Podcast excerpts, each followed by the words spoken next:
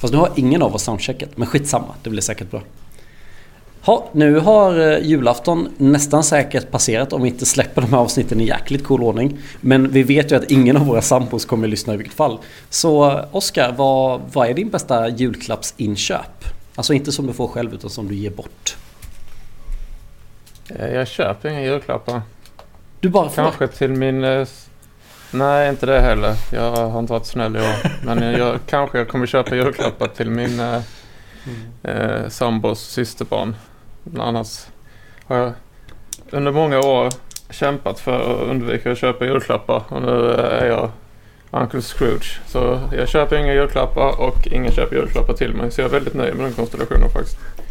Jag- jag måste ju tyvärr meddela att vi har valt lite samma approach i år också. Vi har sagt så här, eh, bara presenter till bebisen. Det är liksom till alla. Det är... Vi ska vara så här, och det där är ju en tydlig trend så ni är ju bara sådana trendfollowers. Men, men jag får väl erkänna att vi är lite där också. Eh, Vi kommer fira med eh, båda Toves syskon och föräldrar. Så det kommer ganska många i landstället. Men vi kommer köpa till, så det blir många kusiner att köpa presenter till. Men jag och Tove byter faktiskt fortfarande present. Det tycker jag är lite trevligt ändå. Ja, men det... Men det bästa är ju Otis har ju blivit, är ju alldeles strax tre.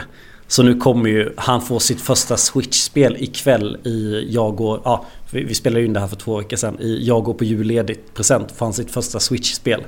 Peppa Peg the Game! Och så blir det massa lego i både jul och födelsedagspresent. Han fyller ju år snart också. Ah, vad Det roligt. låter som eh, Jotis pappa kommer ha roligt över jul. Oh ja! Med Lego och Peppa Pig. Ja. Fast det är väl drömmen att kunna spela spel med sina barn. Nej men absolut. Det här är absolut en inkörsport till Mario Kart. och, och Mario Kart är väl inkörsport till svordomar och sådär. Så det här, det här går ut för. Mm, jo, alla vet att det börjar, börjar med Mario Kart och sen går det Mm. ut för. Alltså, Mm. det är... Absolut. Jag försökte spela Mario Kart med min sambos systerbarn. Men det var inte kul för de var alldeles för dåliga. De bara körde runt och ville kolla. Så Jag blev frustrerad och sen så blev de frustrerade på. Spela då för helvete! Nej, jag svor inte. Men jag blev kanske lite sur ett tillfälle. För ni, ni måste ju ändå köra in i mål. Ni kan inte bara köra och kolla på alla roliga grejer på banan och köra baklänges. Så jag, jag är ganska är. tävlingsinriktad så jag bryr mig inte mig om om jag är. spelar Mario Kart mot en femåring eller om jag spelar mot någon som är vuxen. Det, Jag ska vinna ändå. Ni får kämpa. Ja, jag firade, jag firade på ett osmakligt sätt att jag vann också, så det uppskattades inte heller. Eh, Sån är jag. Men eh, det är inte det vi ska prata om. Eh, För som vanligt har vi ju problem.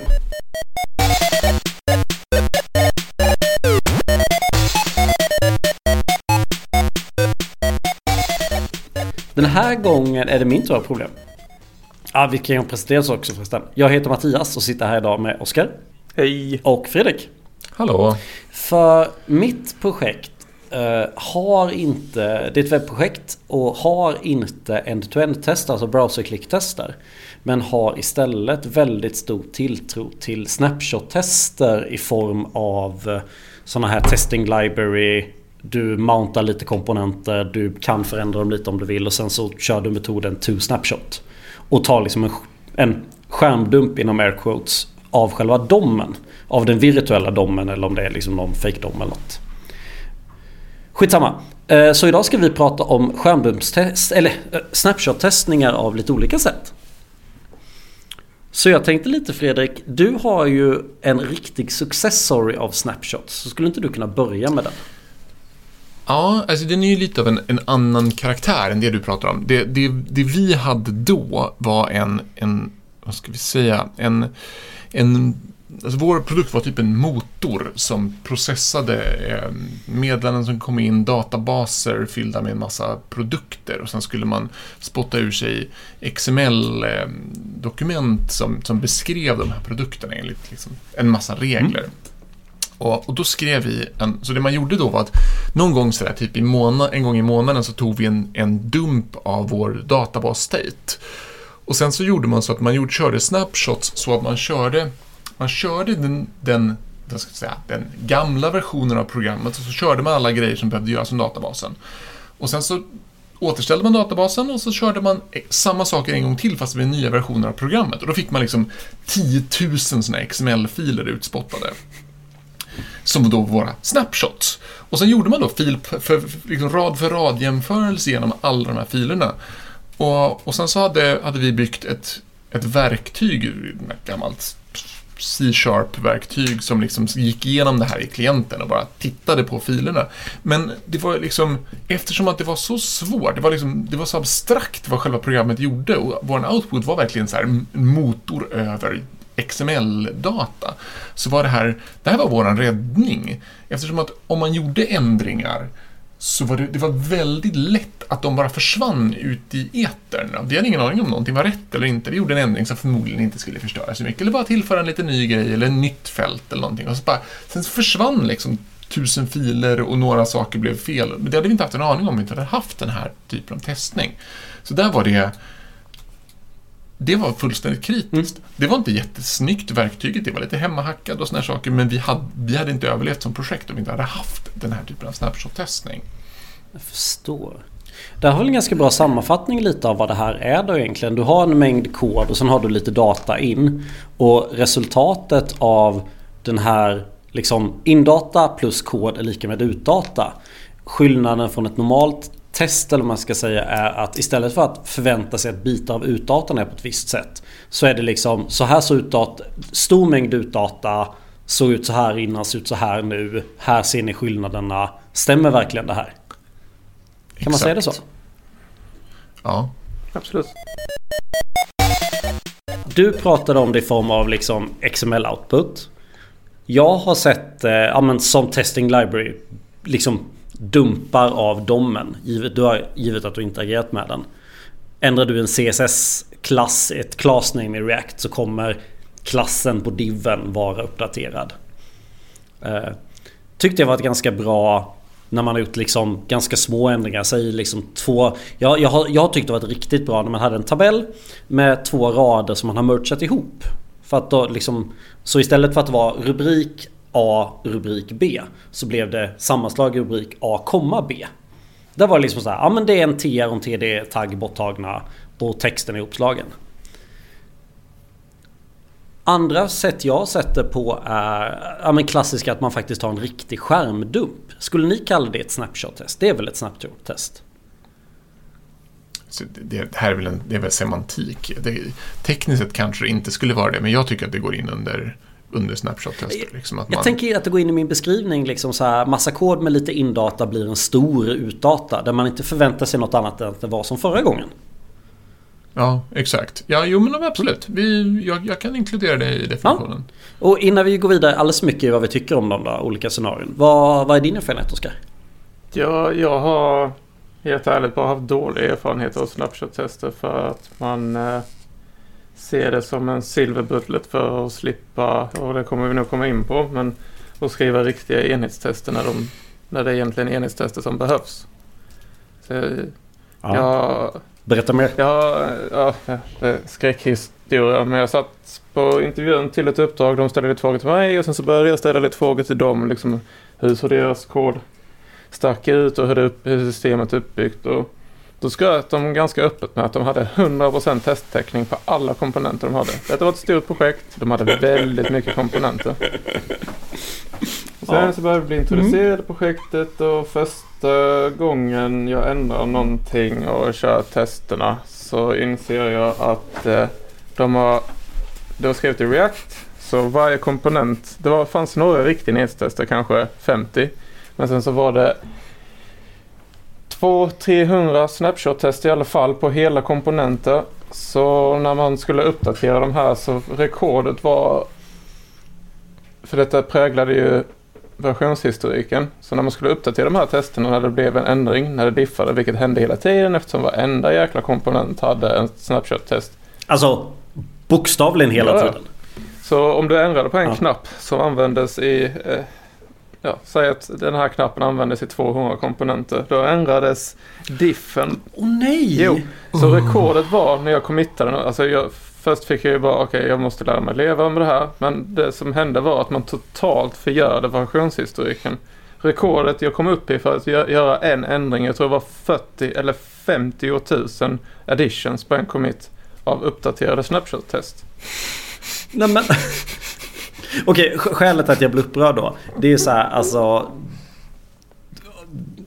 Man kan ju inte, man, man ska ju hela tiden tänka när du testar någonting ska du testa det du är intresserad av. Mm. Så om du testar en komponent som liksom har lite logik och sen mounta andra komponenter. Då är det ju liksom, då är du inte intresserad av att testa, i den kontexten är du inte intresserad av att testa dotterkomponenterna. För de antar du ju funkar. Mm.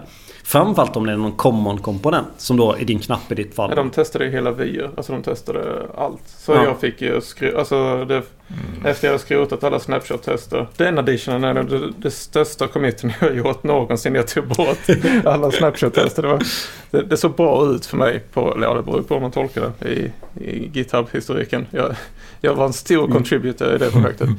Eh, men nej, de använde det ju helt fel och det var jättefrustrerande. Så jag fick ju skrota hela testuppsättningen och sen börja om från början med vanliga hedliga enhetstester på det som behövdes. Eh, det, Mm. och det, det är väl, jag, jag har en jag är ambivalent inställd till snapshot-tester. För jag, jag förstår, det låter bra i det fallet du beskriver Fredrik, men jag det, det, jag tycker det används mest som en silverbullet för att man är lat och så tycker man att man har testat någonting.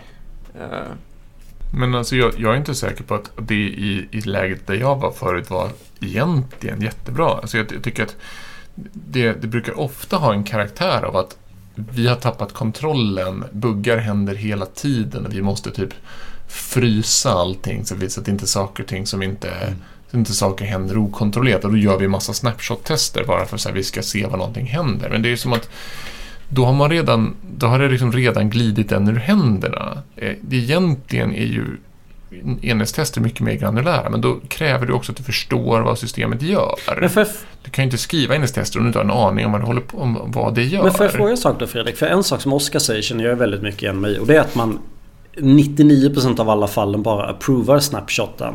Och av de 99% som man kan ha kollat faktiskt på snapshoten 50 gånger. Så, så i ett stor väldigt, stor andel bara addar man den filen också. För ja, ja, det här kommer att stämma. Gjorde ni så också eller var det liksom...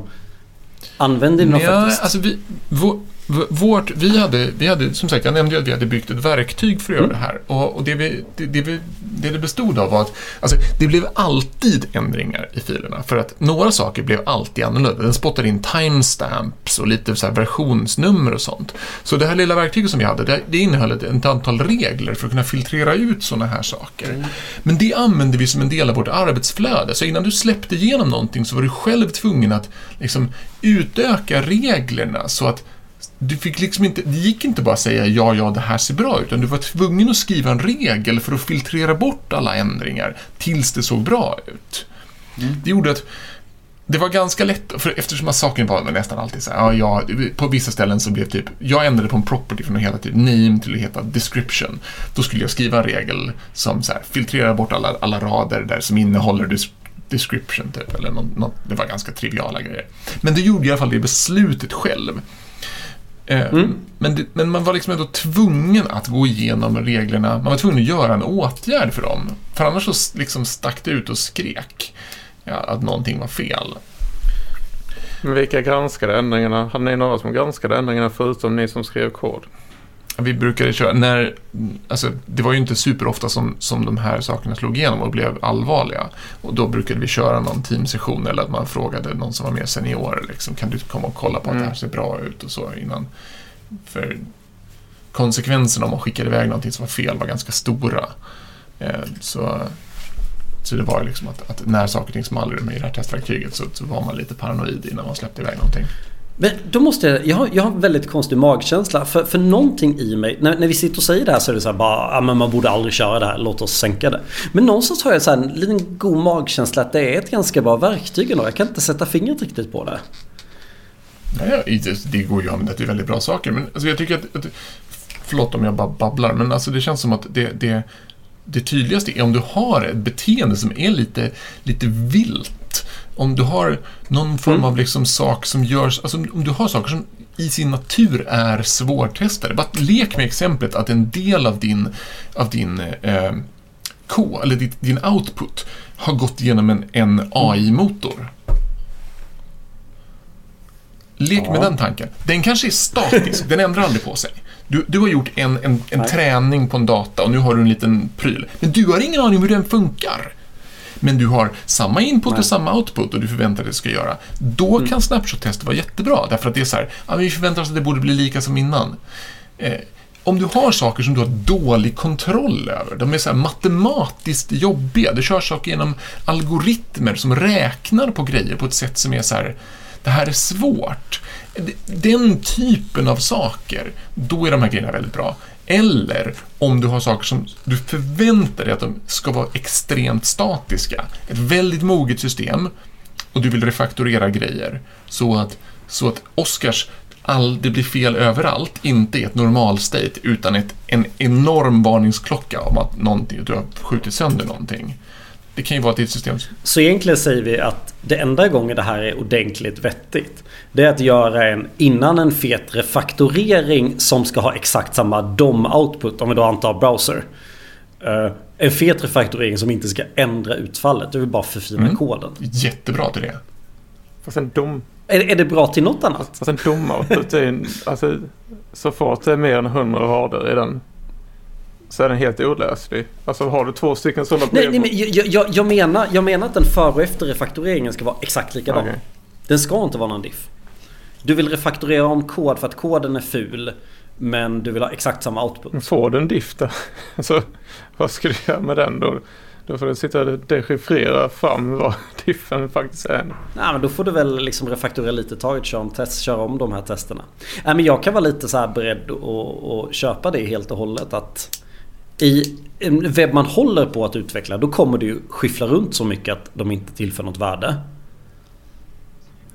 Så det är väl som du säger en superstabil webb där du kan pilla, som får, pilla på någonting som får konstiga sidoeffekter. Men det borde man ju inte heller ha. Ja, men alltså, jag skulle säga att de här grejerna är ganska praktiska. Alltså, de går att använda om du vill skydda någonting från förändringar överhuvudtaget. Mm. Mm. Du ska ju lägga snapshots på någonting där du har verkligen bestämt dig för att så här ser det ut. I princip ska du behöva gå och prata med en chef för att fråga om den nya snapshoten är, är okej. A- Annars Mm. så, är det, så är de ofta bara i vägen. Men då vill jag bara säkerställa en sak då. För visst, vi dissar inte testing library eller konceptet att mounta ett par komponenter tillsammans oavsett vilket ramverk det är. Och sen köra lite tester på dem. Det är liksom filosofin, vi gör inga asserts utan vi gör en dump istället som vi tycker är tveksamma till. Ja. Exakt. Då måste jag spinna vidare lite då. För jag har försökt köra skärmdumpstester på hela, hela webbar. Och det går kanske att liksom page mountain ser likadan ut. Det är, samma, det är exakt samma sak där. Att där kan man ju verkligen auto-approva dem. Man kan ögna diffen i eh, merge requesten. För då har du faktiskt en skärmdump före och efter. Lite rödmarkerat där pixlarna har flyttat sig. Ah, okej, den knappen är, ah, var där i förebilden och där efter bilden. Därför är det lite rött på de två ställena. Möjligtvis. Men jag har kört skärmdumpstestning där jag tyckte det blev riktigt bra. Och det var att vi körde skärmdumpstestning på alla stories i vår storybook. Visst är ni båda tillräckligt bekanta med storybook? Mm, absolut. Där, där tyckte jag det blev riktigt bra. För där hade vi det där, eh, man ändrade knappen. Och helt plötsligt så gick pagineringen i tabellen sönder. Eller Eller om den inte gjorde det så var det tydligt visuellt i en skärmdump. Ja men vi approvar bara nya skärmdumpen. Så liksom arbetsflödet vi hade. Det var att du committade till en featurebransch. Tog nya skärmdumpar på featurebranschen. Och autola till dem i merge requesten. Men hur... Så man såg liksom när, när man approvade förändringen i våra atomer i vår storybook. Så var du också tvungen att approva de förflyttade pixlarna. Men visst kan man om man i Cypress finns väl ett library eller ett bibliotek säger man på svenska som man kan eh, eh, använda sig av där man gör liksom en inte manuell jämförelse av två bilder utan man har ett bibliotek som gör jämförelsen åt dig så kan du sätta en threshold på hur många procent bilderna före Absolut. efter. Men, Det, det finns en hel del sådana verktyg. Vi satte thresholden till noll. Okej. jag skulle säga att för, för mig är screenshots är ett jobbigt sorgebarn. Jag har försökt göra det flera gånger i Cypress. Och, och problemet är att eh, på grund av olika liksom, små systemförändringar så blir Mm. inte en webb exakt identisk om den renderas på två olika datorer. Vet du hur vi gjorde åt det? Nej, Vi skrev ett skript som... Vi, vi lät bygg... Liksom vi lät uh, vår pipeline... I pipelinen så tog vi skärmdumparna. Och det var alltid den maskinens bilder som gällde. Så Mm. det, jag... jag mitt flöde var jag kodar någonting. Jag committade till en feature branch. Jag ser att bygget går sönder. Jag kör ett skript som laddar hem byggets nya skärmdumpar. Och sen committar jag dem. Exakt. Så För- vi bestämde att det var byggmotorns bilder som gällde. Eller vill säga pipelinens. Precis. Så, så länge du har en gemensam källa som gör screenshotsen så, så funkar det. Men, Vi ville inte ha det men vi var tvungna att gå dit precis av ditt problem. Precis. Och det, därför är ju snapshot-tester eh, då egentligen att föredra. Men de är ju som Oskar sa väldigt oläsliga, speciellt om de är stora. Alltså, Ja och det där kunde ju vara liksom att vi ändrade en CSS-klass. Det märks ju inte riktigt i de dumpen. För, för vi, vi hade saker som så här, ja men om du ändrar på knappen så, så tänk, vi, vi hade kommit så långt i vår storybook att det fanns atomer och molekyler om man pratar atomic design. Så Mm. ändrar du knappen. Knappen användes ju i widgetar och modaler och, och lite till höger och vänster. Där hittade vi titt som tätt så här, okej men det här fick den här sidoeffekten. Och oftast då fick man ju inte skärmdumpar. Utan det var ju bara när man faktiskt hade ändrat någonting. Så det var ganska lätt att koppla sina små förändringar till liksom stora sakerna. Men det gjorde också typ så här, vi ändrade våra spacingregler från att vara en del av 16 till att vara en del av 4. Så vill du ha 16 pixlar mm, padding så, så skrev du någonting, skrev du en etta. Nu, ja, ni förstår vad jag menar. mm, Vi vågade göra sådana fetare faktureringar utan rädsla. Lite som vi var inne på, vi gör stora faktureringar men vill att det ska se precis likadant ut. Det makade sense i liksom ett komponentbibliotek. Det gjorde det inte i vår applikation sen. Vi använde det inte i riktiga applikationen. Men just i komponentbiblioteket i storybooken. Och att det var så lätt. Mounta alla stories och ta skärmdumpar på dem jämfört med förra. Och så kunde man börja klicka i storyn om man ville men det gjorde vi ganska sällan. Nej, det caset tycker jag... Ni ser tveksamma Nej, jag tycker det caset... Nej, jag, jag, tycker det, jag tycker det låter jätteinspirerande. Jag, det, just det själva... Det, det finns ju några tekniska problem i det du säger med så här, ja okej, vi måste köra skärmdumparna på, på en server. Eller, eller liksom den typen av... Men, och, eller om man vill köra snapshots. Jag tror snapshots hade funkat precis lika bra, men ni hade behövt ett bra sätt att visualisera dem. På något, Ja. något sånt sätt. Det, jag, en sak som jag har eftersökt är ett sätt att, att kunna ta snapshot-tester som producerar typ renderbar HTML. Så att jag skulle kunna smacka upp två fönster med som inte är screenshots utan det som är dumpad HTML. Kanske med typ in, att man inlinar CSSen in i HTML så man bara fixar. Blöch, här är en dump av den. Och sen la man dem bredvid varandra för de skulle vara lättare att köra på, på, sam, på olika datorer och få alltid få samma output. Så att du kunde köra Ja. på klienten och jämföra med den, den som renderades på servern förra gången eller så vidare. Så att du fick liksom två renderingar som hos dig borde se likadant ut. Och, och då skulle man kunna göra samma sak liksom. Jämför med Pip för liksom någonting sånt. Men, eh, men, det, men det kräver ju att man jobbar lite med eh, infrastrukturen, alltså DevOpsen och Fast min grej var faktiskt inte så jäkla... Vi, vi gjorde ganska mycket naivt. Så här, vi hade ingen tooling. Alltså vi hade det här skriptet som egentligen liksom det gick in i vår... Vi, vi la till att... Vi la till en flagga in till Cypress. Vi la till lite Cypress-kod. Men det var, pluginet var ganska enkelt. Så jag skulle säga att införa det här, det var totalt tre dagars jobb. nice. Alltså inklusive att ta skärmdumparna Koden för att ta skärmdumparna, pipelinen för att ta skärmdumparna, skriptet som laddar hem från pipelinen. Men sen, så det, det som blev nästan bättre än väntat, vi funderade lite på hur ska vi kunna maintaina dem. Men det som var så härligt då, många av dem bra, till exempel nu vet jag GitLab, men jag antar att de andra idéerna, eller säga eh, versionshanteringssystemen, är ganska duktiga på att hantera diffar i skärmdumpar.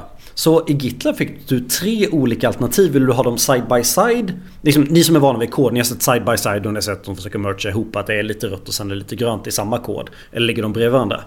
Mm. På skärmdumpar fanns det en slider där du kunde dra liksom en, ett streck från höger till vänster där den fejdade in den ena till den andra. Eller den som liksom fejdade med opacitet den ena bilden in i den andra bilden. Hmm. Så det var liksom så här vi, hade, vi committade inga bilder med rött fluff i. Utan vi committade bara liksom en bild. Och fanns det ett före och efter så var det en change på den enda bilden. Och sen letade vi, litade vi på GitLab för att kunna jämföra före och efter. Vilk, i, Vilket gjorde att det fanns tillfällen hvor UXare inte gick in i Storybook utan bara gick in i GitLab för att godkänna nya utseendeförändringar. ja, du svarade på min fråga som jag är skitbra. på väg att ställa. Vilka det var som... Ja, vad roligt. Ja, men vilka det var i, i ditt fall som du beskrev nu. Jag undrade vilka det var som var inne och kollade på diffarna. För jag, jag satt det här... Om man jobbar med ett stort komponentbibliotek eh, på, ett, på en stor IT-organisation som har ett gäng UX-människor som sitter och söker filer på eh, gemensamma komponenter som alla använder. Så, och då Mm. kanske det är svårt att undvika versionering. Och då, Haddo låter som ett jättebra verktyg att jämföra bilder och kunna exponera dem för människor som nödvändigtvis inte arbetar med kod utan de som ritar inom situationstecken de här komponenterna. För det låter ju superanvändbart för alla UX istället för att de ska postumt efter man har releasat kolla för att det stämmer. Att de kan kolla innan man releasar och inte bara en testmiljö utan bara få, bara få titta på det som faktiskt har ändrats. Att, de inte behöver, så att man inte behöver ha en stagingmiljö för sin storybook utan om man kan antingen att de kommer åt GitHub, GitLab och kan liksom att det blir begripligt för dem att gå in på en pull request och kolla på bilderna. Det låter ju, då, då kan man ju spara de pengarna på en miljö. Ja, och det här gjorde ju till och med att så här, vi hade ju en dev-miljö med feature branch deployer. Eh, men vi hade ingen dev-miljö för masterbranchen i designsystemet. För när någonting merchades det, då tryckte vi det till produktionsmiljön. Och om du som utvecklade din kod, microfronten eller vad, vad som helst ville använda designsystemet så plockade du designsystemet från prod oavsett vilken mil- testmiljö du var i. Designsystemet fanns bara prod och featurebranscher. För att vi vågade lita på skärmdumparna. Ja, och, och det runt omkring. Men, men ni förstår. Men det, är ju, det, låter ju som ett fantastiskt case för det, det är liksom en, en, en jättebra implementering av, av det här. Men då har ju någon tänkt innan istället för att, att åh, vi gör snapshot-tester för att lösa att det blir säkert istället för hmm, hur kan vi, exploat, hur kan vi liksom utnyttja det här på bästa tänkbara sätt?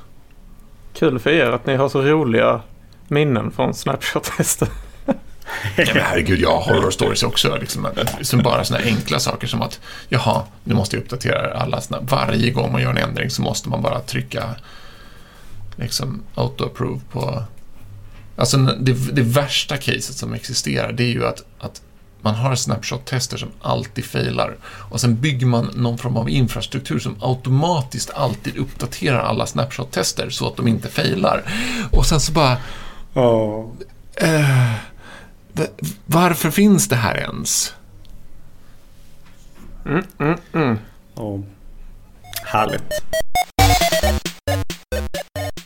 Om, om man tillbaka till Testing Library då. Jag vet inte om det är mitt uppdrag som sett upp är lite konstigt. För jag tycker Testing Library verkar väldigt lovande. Liksom klicka runt, mounta några komponenter från en huvudkomponent. Liksom. Klicka lite runt, lite förvänta sig någonting i någonting. De där upplever jag går, liksom, kan testa mycket liknande scenarier även om det inte är riktigt browser med liknande användarscenarion. Så de blir inte lika dumma och naiva som unit-testen utan de testar faktiskt beteende. Men att de går svinfort. Att de går upp så här på 70 millisekunder per test. Men så fort man lägger på en snapshot så tar det typ så här en, två sekunder. Jag vet inte om det är något vi gör fel. Jag har inte varit med i uppsättningen. Jag har bara observerat beteende. Så liksom 0,1 sekund om man inte tar en snapshot. 2 sekunder om du tar en snapshot. Per test.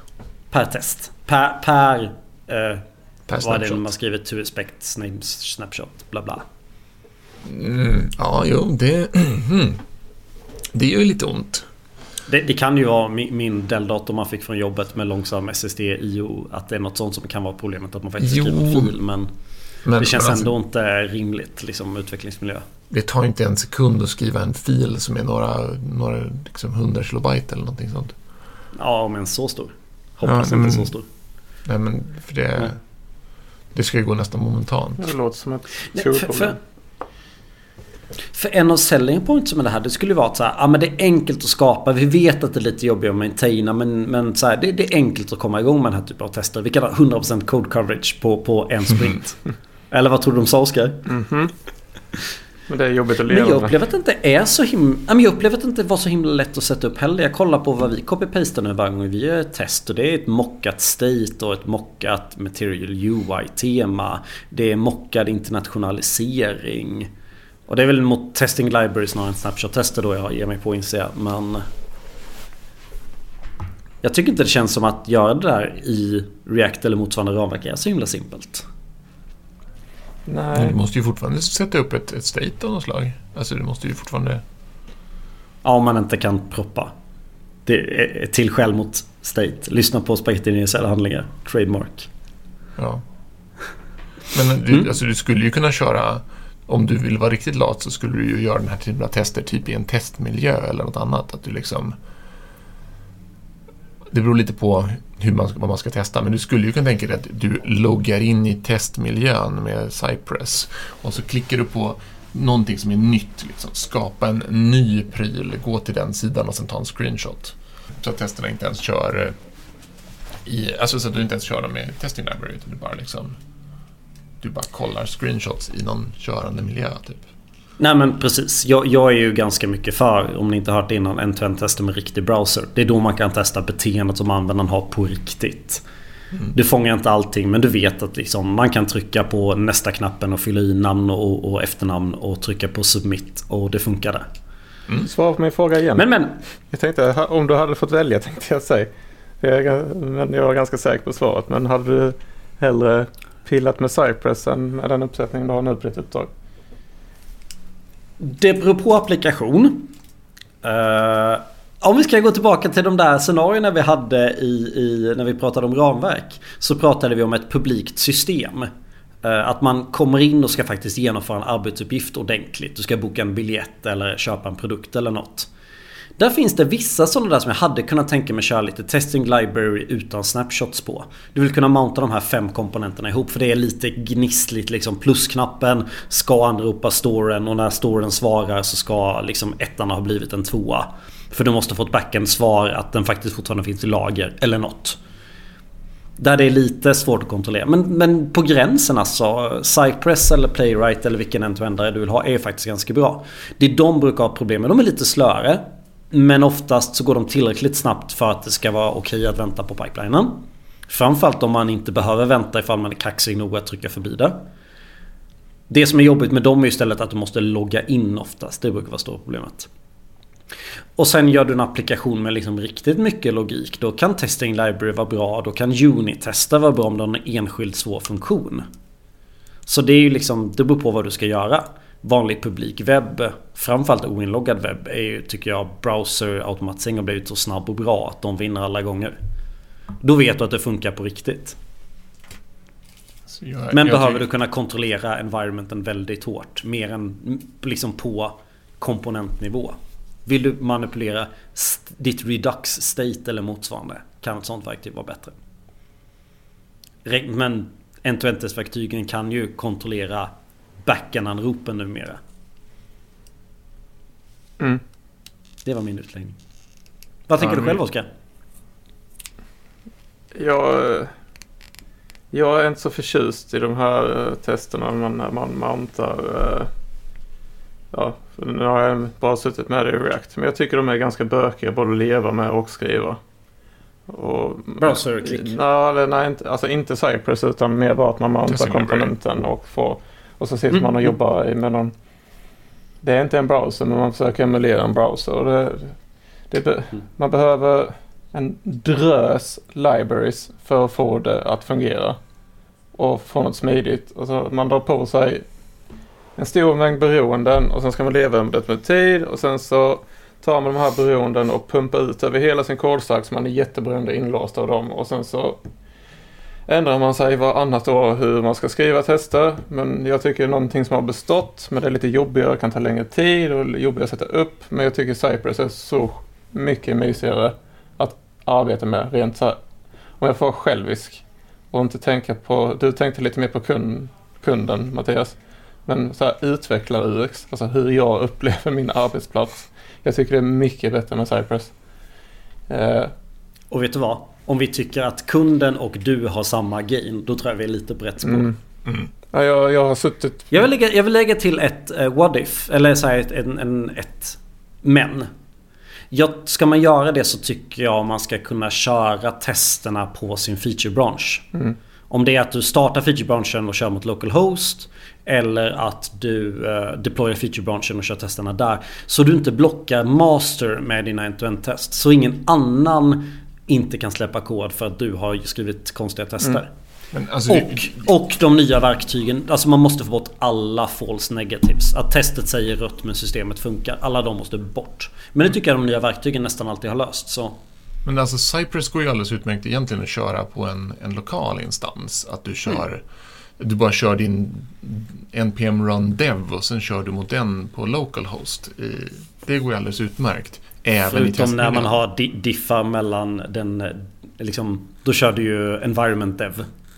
Man vill ju egentligen ha det på en byggd variant. Men jag förstår vad du menar. jo, men, men, du skulle, men på byggservern kan du ju egentligen köra kör produktionsbygget och sen kör du serve av en katalog och hämtar de Ja. statiska fina. Det går alldeles Ja. utmärkt att, att, att köra Cypress på. Du måste ju inte köra mot en körande miljö. Men det jag vill säga och det som jag försökte eh, harkla mig för att säga är att jag tycker att, att alla ställen där man ensidigt säger att vi har valt den ena eller den andra lever lite farligt.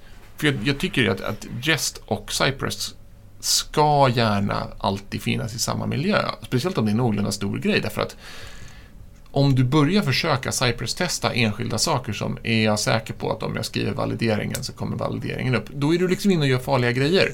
Det borde vara lite litet test och det kan vara i testing library. Eller det kan vara bara med Jest som kör på en, en funktion. Ett unit. Och. Och samma sak åt andra hållet. Försöker du skriva jättestora saker i testing library då får du Oscars problem av att oh my god, vi får eh, såna här mm, snapshots som är oläsliga. Och då borde du köra Cypress. Så båda två borde bara leva tillsammans. Och man borde få, en, få en, bygga upp en vana av att ha båda och veta också vad ska testas var. Håller med. Nu har vi pratat mycket... Jag kan nästan tycka att är man ett, är man ett moget team borde man ju nästan eh, sätta det redan när man definierar user story. Ja, absolut. Om jag har förstått. Vi har pratat mycket om Cypress. Och jag... Precis. Det var, Det är för att det är bäst. Ja. jag, jag har också haft en fäbless för det. Det var liksom tidigt ute och jag, så är man bekväm med det för att man kan det. Men jag måste Mm. motvilligt erkänna att jag har inte hållit mig så uppdaterad på... För det har ju uppdaterats ganska mycket sedan jag först började använda det. Och nu har jag en eh, utvecklare i projektet som jag sitter i som går på semester och han lämnade efter sig en pull request där han har satt upp Playwright. Har ni använt Playwright? Absolut. Eh, så här, korta svaret är att det finns två A-grade-verktyg. Det är Cypress och Playwright. Playwright är lite tekniskt mer duktigt. Det kan göra saker som inte Cypress kan göra. Cypress funkar jättebra under Cypress-förutsättningar. Eh, Cypress hanterar inte iframes eller dubbla flikar eller något sånt där. Den är hårdare inbyggd i en flik i din browser. Playwright är lite lösare kopplat till browsern. Vilket gör att dina Cypress-tester är lättare att skriva. De blir snyggare. Ja, Medan Playwright är ett mer tekniskt kompetent. En av de featuresen var anledningen till att man valde, eller den här personen valde Playwright. För att eh, Mm. det finns tillfällen i den här eh, webbapplikationen där man måste kunna ha två tabbar uppe. Yes, Och då var tydligen eh. Playwright superior på att lösa det problemet. Mm. Stämmer. Det Stämmer. finns, en, det finns en till begränsning i Cypress som, som jag har bråkat med och det är att Cypress tillåter inte dig att lämna domänen. Så om du går till example.com så får du inte lämna den och sen komma tillbaka vilket gör att, att om, du går, om du vill gå från till, du vill gå till en, en OAuth inloggningssajt som är off-site och fylla i en inloggning och sen komma tillbaka då säger Cypress det där får du inte göra. Eh, så Men du, om du vill få till inloggningar så behöver man hitta på något, något, liksom, något annat sätt att hantera inloggningar. Byter, precis, byter domän så det är inte längre din tjänst. Du vill inte testa den tjänsten. Du vill gå mot deras API och, chain, ja, och fixa en token. Och sätta den tokenen på samma sätt som den tjänsten gör. Precis. Men det är inte Du säkert, vill, du vill inte gå till deras sida och logga in där. men det är inte säkert att den inloggningssidan ha, har det inloggningsflödet. Det kan vara så att, vad heter det, de här key, code, eh, OAuth code-flödet, där du går till deras sida och sen måste navigeras tillbaka, är det enda som är påslaget. I testmiljön Mm. borde det vara påslaget att du kan göra det med, med ett vanligt fetchanrop och skicka Men då, ska du, då, då kan du göra det med ett Node-skript och på det sättet exchangea till dig. en- Även om de bara har webbinterface så kan du... Ah, det, det, nu är det ju hackigt runt liksom. Jag förstår precis, Precis. vad du menar. Du- Men det, det går ju att skapa tokens vid sidan om och sen injekta dem i din browser med Ja, det jag, det jag fick göra i ett värsta fall, det är att köra Puppeteer för att gå och Mm, logga in precis. och sen extra. Men då har jag en Chrome-browser först och sen en annan Chrome-browser efteråt i två olika tester. Det är liksom... Ja, eller, eller startar du båda samtidigt. Skitsamma. Jo, jo, men- nu, men- nu är vi inne på liksom- 90 gritty. Men, men, men, det, men det, det, vissa saker blir väldigt knöliga och om Playwright då löser det problemet in i ett verktyg så kan det vara tala för i ett eller annat fall. Det är väl byggt på Puppeteer också tror jag. Nej, det är byggt av samma människor. människor. Jag bara hörde det i periferin De fick någonstans. inte göra som de ville. Eller något, ja, något sånt där. Men ska det vara övergången till veckans tips eller vill någon uh, säga något annat? Nej. Det vill jag inte. Då börjar jag med veckans tips. För, för, för jag tänker ta den övergången då. För nu är ju SvelteKit 1.0 släppt och då måste man ju skriva något i SvelteKit. Så jag ska ta upp ett gammalt spel som jag skrev för evigheter sedan. Alltså, eh, alltså du får upp frågor. Tänk dig typ Quizkampen. Eller tänk dig ett quizspel fast med en vinkel. Eh, och då fick man ju faktiskt frågan Vill du skriva en en end-to-end tester? I så fall gör du det i Playwright. Så nu ska jag lära mig SvelteKit och Playwright och Prisma samtidigt. Och Svelkit. Och vet man inte vad Prisma är så är det skriva SQL queries fast du slipper skriva dem för du gör dem i JavaScript med en Object Relation Manager. Mapper. löser Manager. att det är lite schysstare att skriva sparapplikationer i Svelte och server-side än det va? Eller? Ja. Framförallt service. Jag har bara använt filbaserad routing. Ja, det, routing är lite speciellt i vanlig Svelte. Eh, och, och skillnaden är bygger ju därför inte en statisk app utan det är ju något du kör på liksom en Docker image eller något. Men det gör också att jag kan skriva serverkod i samma repo på ett ganska trevligt sätt. Så det här spelet kommer ju på serversidan validera att du svarade rätt. Jag skickar inte med rätt svar ut i klient, klientresponsen. Och då kan jag göra det. Svelkit har gjort en ganska rolig resa. För först använde man väl Zapper. Var det det man använde? Som de fanns. Mm. Ah, det var ingen som använde Zapper. Men det var de som hade en sån rolig grej på sin hemsida. Military, military grade performance stod det på hemsidan. Kommer jag ihåg. för Jag förstod aldrig den referensen. Blazingly Ja, fast. ja, vad har ni för tips då? Ja, alltså mitt tips. Jag har ju tipsat tidigare om, om byggmotorn ES-bild. Eh, och sen hittade jag att han som har gjort den har gjort en sorts, vad ska jag säga, en ES-bild runner till Node som heter TSX. Och med den så kan du köra TSX TypeScript-fil. Och bara Alltså köra... TSX React JSX Nej, TSX. är bara, nej, den heter TSX. Om du söker på TSX på NPM så kommer du hitta den. Den verkar bara sam namnmässigt sammanfalla med JSX TSX-namnet. Det är alltså en, en runner för att köra TypeScript som bygger på ES-bild. Som är typ, den tar typ nolltid att starta TypeScript-filer till, till skillnad från typ TS-Node som tar en stund på sig att bara sätta igång. Så är den återigen blazingly fast att, att starta och köra TypeScript. Military grade Så om du performance. köra skript så behöver du inte längre hålla på och kompilera dem först. Så du bara Japp. Jag ska börja använda det. supersmidigt för, för att köra CLI-verktyg. Look at this. Military grade performance. Det är svinroligt. Gör det. Gör det. Ja, vad är ditt tips då? Eh, nu kanske detta avs- Att använda military grid. ja, dels det, men också eh, nu kanske detta avsnittet släpps efter julafton. Men då kan ni, ni som lyssnar tänka på det till nästa år. Att eh, laga äcklig mat till knytkalaset. För annars så åker man på och gör, gör som jag får göra jättegoda kamben varje år. Så får, så jag, och, och, jag gjorde goda kamben julstyle En, för, en jul för en jul. Så jag har fem jular sen kanske. Nu, nu börjar jag köpa kamben för jättemycket pengar varje år och stå och laga dem dagen innan julafton.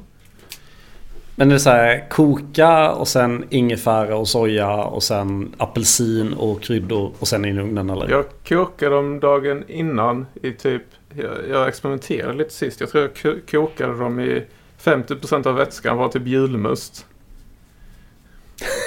Men det, det är typ som man gör en sån mexikansk carnitas. Det kokar, då kokar man ju bara fläskkött i Coca-Cola och så blir det gott. Ja. Men så jag tog den devisen. Så man Ja. kokade två till två och en halv timme.